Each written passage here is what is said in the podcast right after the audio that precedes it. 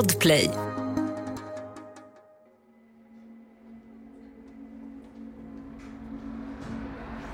Sjukhussalen var fylld till bredden med människor som var lika bleka som väggarna. Överallt hördes patienter som vred sig av smärtor. Luften var fylld med en sur, stinkande lukt. Läkaren Johan Gedör såg sig omkring i de vita salarna och gick med bestämda steg mellan de olika sängarna. Han hade jobbat långa, slitsamma dagar men just den här dagen var det fler patienter än vanligt som verkade piggare. Johan tänkte för sig själv att det kanske fanns ett slut på eländet ändå. Men någonting hade förändrats. I Sveriges mörka minnen tar vi med er på en resa genom landet för att återupptäcka de händelser som på gott och ont har förändrat Sveriges historia. I det här avsnittet ska vi ta oss till Göteborg sommaren 1834 där sjömannen Anders Rydberg en morgon vaknar frisk och pigg men senare samma dag dör en plågsam död. Och hans död ska bli startskottet på Göteborgs värsta katastrof. En katastrof som senare, oväntat, ska visa sig få positiva konsekvenser för hela Sverige. Koleraepidemin i Göteborg.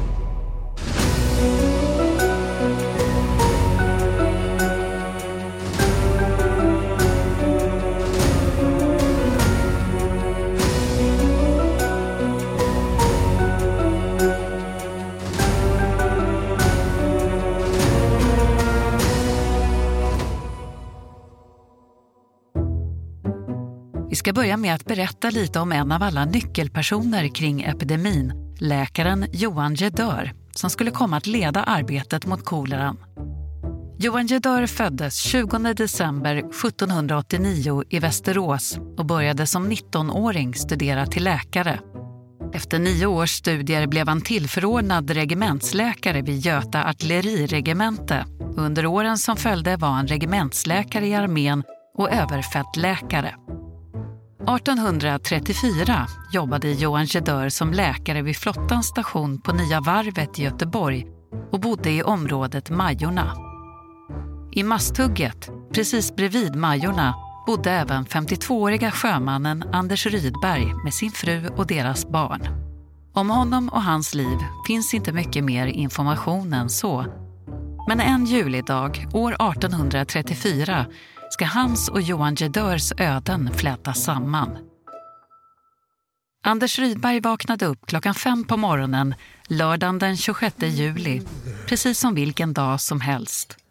Han åt sin sill till frukost och begav sig till sitt arbete vid hamnen. Bara ett par timmar senare började han må dåligt. Han kände sig plötsligt varm och kvalmig, började kräkas och behövde akut springa till dasset. Benen krampade och han, som alldeles nyss jobbat på precis som vanligt, kunde inte förstå vad det handlade om. Ytterligare ett par timmar senare var han så svag att hans kollegor fick hjälpa honom hem. Han skakade av våldsamma kramper och kollegorna fick praktiskt taget bära hem honom till hans säng. Senare samma dag dog han. Anders Rydbergs fru Anna Persdotter insjuknade på samma sätt den eftermiddagen och även hon gick bort bara några timmar senare. Koleran hade nu kommit till Sverige. Kolerabakterien är inte mer än någon tiondels millimeter stor men den kan döda en människa på bara några timmar. I tusentals år hade sjukdomen funnits kring Gangesdeltat men först vid år 1820 spred sig koleran i världen och tog sig till Europa och så småningom kom den till Norden men vid det här laget hade man såklart ingen aning om att det var just kolera det handlade om. Anders Rydberg och Anna Persdotter obducerades och det fastställdes att den slutliga dödsorsaken var stroke i samband med uttorkning. Och efter det här väcktes Johan Gedörs nyfikenhet. Han och kollegan David Lybeck begärde att en rättsmedicinsk obduktion skulle göras för att ta reda på om dödsfallen berodde på smittsam sjukdom eller förgiftning. På onsdagen, tre dagar efter dödsfallen, kom svaret.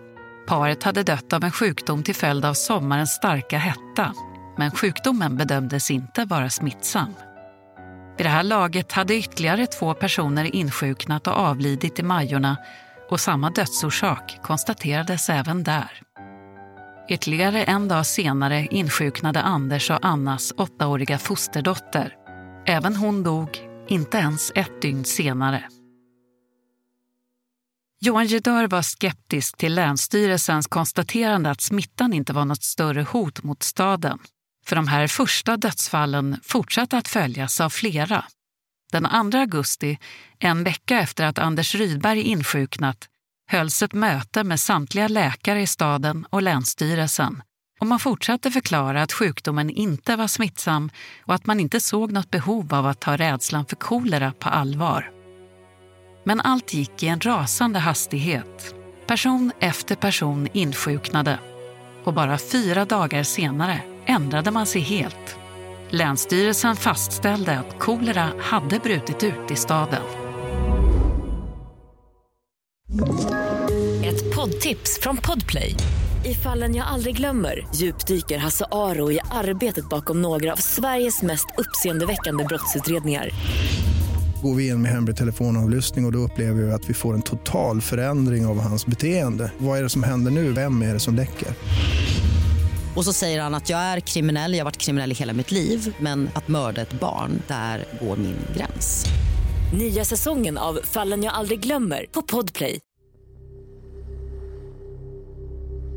Det var brist på både sjukhus och läkare och för att klara av att hantera sjukdomen öppnades flera nya temporära sjukhus. Arbetet leddes av Johan Gedör. Johan var en av två läkare i Majorna och Masthugget där befolkningen mestadels bestod av fattiga. Den 8 augusti rapporterades att eländet i området var enormt.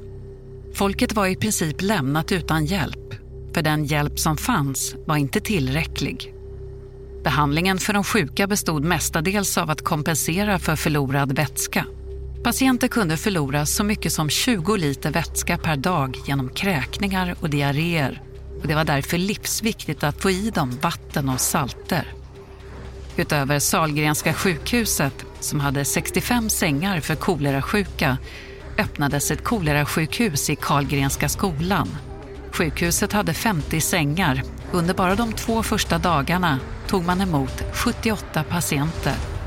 Även värdshuset Möllerska plantaget användes som kolerasjukhus med 50 sängar. Och redan första dagen tog de emot 53 personer. Det var en pressad situation. Patienterna insjuknade i en takt som var svår för sjukhusen att hinna med i.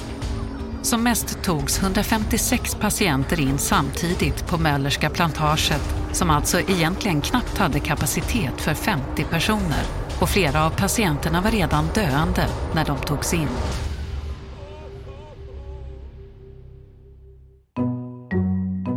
Sjukvården var hårt ansatt och samtidigt diskuterade man vad sjukdomen egentligen berodde på och hur koleran hade kommit in i landet.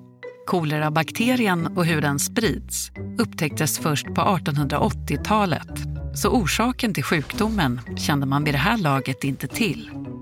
Det här gjorde att teorierna kring den förödande sjukdomen var många vilket gjorde att vården hade olika typer av medicinering och olika tankar om vad som skulle hjälpa patienterna. Myndigheterna försökte på flera sätt hindra att smittan spred sig men rykten om vad som kunde framkalla kolera spreds snabbt. Och det var svårt att hålla isär vad som var sant och inte. En del trodde att dålig frukt kunde sprida sjukdomen och de som sålde dålig frukt hotades därför med böter. Och fartyg som kom från städer med kolerautbrott blev tvungna att visa upp intyg på att ingen ombord var smittad. Skräcken över att smittas med kolera var enorm och folk tog till alla möjliga medel för att hålla sig friska. Vissa trodde att brännvin skulle hålla koleran borta eller att andas in ångor från ämnen som svavel och kära skulle hjälpa. Inget av det hade såklart någon verkan, men i desperation tog man till alla möjliga medel. Och även de som jobbade på sjukhusen var såklart rädda för att smittas. På den här tiden fanns inga utbildade sjuksköterskor utan det var ofta fattiga kvinnor som tog hand om de smittade. De levde mer än några andra i ständig skräck kring att drabbas av mardrömssjukdomen. De såg dagligen vad den innebar och vid den här tiden visste man ju inte heller att kolera inte smittar från människa till människa utan via bakterier i förorenat vatten.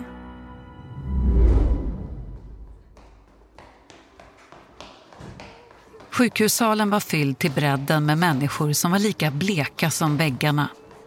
Överallt hördes patienter som vred sig av smärtor. Luften var fylld med en sur, stinkande lukt. Johan Gedör såg sig omkring i de vita salarna och gick med bestämda steg mellan de olika sängarna. Han hade jobbat långa, slitsamma dagar men just den här dagen var det fler patienter än vanligt som verkade piggare. Johan tänkte för sig själv att det kanske fanns ett slut på eländet ändå.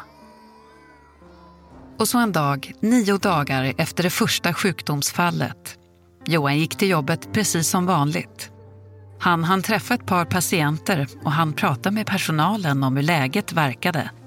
Bara runt 40 nya smittade hade kommit in den här dagen. Allting var till synes som vanligt, eller så vanligt som de senaste dagarna nu hade varit. Men någonting hade förändrats. Nu hade koleran även drabbat Johan själv. Och han kände ju bättre än någon annan till symptomen och vad som väntade honom. Från sitt fönster hemma på sin gård hade han utsikt över Karlgrenska skolan som låg tvärs över gatan. För första gången kunde han på riktigt titta ut och förstå vad patienterna där inne gick igenom. För nu var han inte bara läkare, utan också själv smittad. Men Johan var en av alla som hade tur. Han klarade sig. Så fort han var stabil igen fortsatte han sitt viktiga arbete.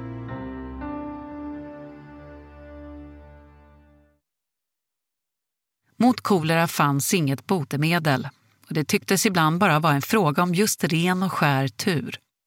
Människor dog en efter en och för att snabbt kunna begrava de döda och inte riskera att smitta andra anlades flera kolerakyrkogårdar med massgravar där dussintals begravdes åt gången.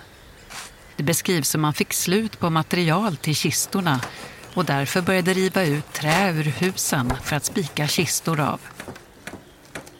De som dog var ofta stadens fattiga och barn som hade klenare skydd mot sjukdomen och sämre chans att klara sig. Dessutom verkade undernärda människor smittas lättare. Just den här epidemin hade ett hastigt förlopp och efter 25 dagar var det värsta över. Då hade totalt 2 462 personer dött i sjukdomen vilket var en tiondel av stadens befolkning. Även om det värsta var över så kvarstod mysteriet kring koleran. Hur skulle man undvika ett liknande utbrott i framtiden? Från myndighetshåll började man efter den första epidemin slå fast att koleran orsakades av smuts och dålig luft. Det skulle såklart visa sig vara felaktigt men det ledde ändå till att just hygien blev en prioriterad fråga. Och i samband med den frågan började man även diskutera vikten av tillgången på rent vatten. Men det var till en början svårt att få igenom en förändring. För vem skulle bekosta nya brunnar och avloppssystem? Därför dröjde det till år 1850 innan de största förändringarna kom. Flera reformer gällande hygien infördes. Alla skulle ha tillgång till rent vatten, tvättmöjligheter och bättre arbetsbostäder. I nybyggda bostäder skulle hygienen granskas och år 1857 infördes en sundhetsnämnd vars uppgift var att förebygga koleraepidemier. Nutidens miljöskyddsnämnder kommer från just den här tidens sundhetsnämnd. Efter den första koleraepidemin år 1834 drabbades Göteborg av kolera flera gånger till. Men samtidigt fortsatte just stadens hygien förbättras och utvecklas och till slut nådde man resultat. Efter 1860-talet drabbades Göteborg aldrig mer av liknande kolerautbrott. Kanske är det lite väl magstarkt att säga att dödsfallen i epidemin inte var förgäves. Men vi kan i alla fall konstatera att flera epidemier, sjukdomsfall och dödsfall kunde förhindras just för att koleran kom och satte fart på diskussionen om hygien och rent vatten. Tillgången på rent vatten är än idag en stor samhällsfråga i många delar av världen. Det kan tyckas avlägset för oss i nutidens Sverige men på den här tiden var det ett enormt problem även här och kolerans framfart gjorde det tydligare än någonsin.